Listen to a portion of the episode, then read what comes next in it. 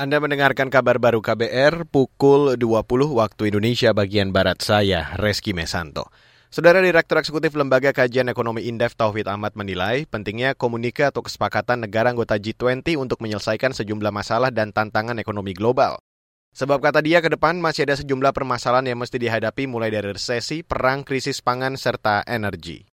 Ya pangan, energi, semua berharap misalnya untuk pangan dan energi ya adalah memang katakanlah ya blokade-blokade ekonomi ya tidak tidak lagi perlu, tidak ada semangat katakanlah proteksionisme, tidak lagi semangat misalnya tadi ya semangat untuk sama-sama menurunkan harga energi dan pangan dunia. Saudara itu tadi Direktur Eksekutif Indef Tauhid Ahmad. Sebelumnya KTT G20 diperkirakan tidak akan menghasilkan komunike. Dalam konteks G20, komunike ialah pernyataan bersama dari para anggota G20 yang berisikan komitmen bersama yang diungkapkan kepada publik.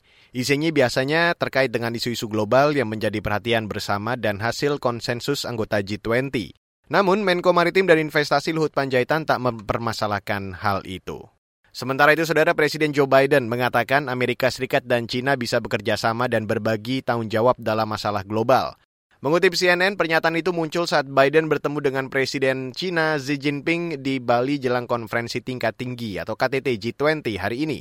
Biden juga menegaskan telah berkomitmen untuk menjaga komunikasi terbuka antara Xi dan dirinya. Menurut Biden, kedua negara memiliki celah untuk berdamai dengan menangani masalah yang ada saat ini. Sebelumnya, Amerika Serikat dan China memiliki hubungan investasi dan perdagangan yang besar. Namun, kedua negara ini juga saling bersaing untuk mendapat pengaruh militer dan diplomatik terutama di kawasan Asia Pasifik sehingga kedua negara sering berselisih. Saudara Wakil Presiden Maruf Amin menyampaikan lima pesan kepada tiga penjabat gubernur daerah otonomi baru atau DUB Papua. Tiga penjabat itu adalah Ripka Haluk, PJ Gubernur Papua Tengah, Apollo Savanpo, PJ Gubernur Papua Selatan, dan Nikaulus Kondomo, PJ Gubernur Papua Pegunungan.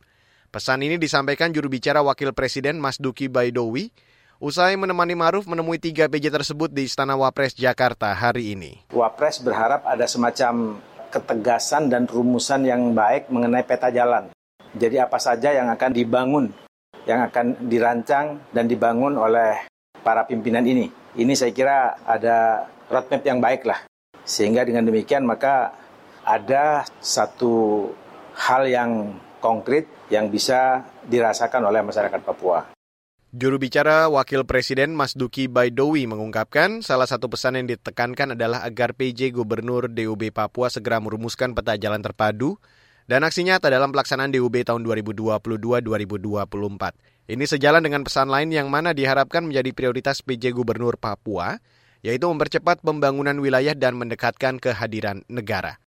Dan saudara, demikian kabar baru saya Reski Mesanto.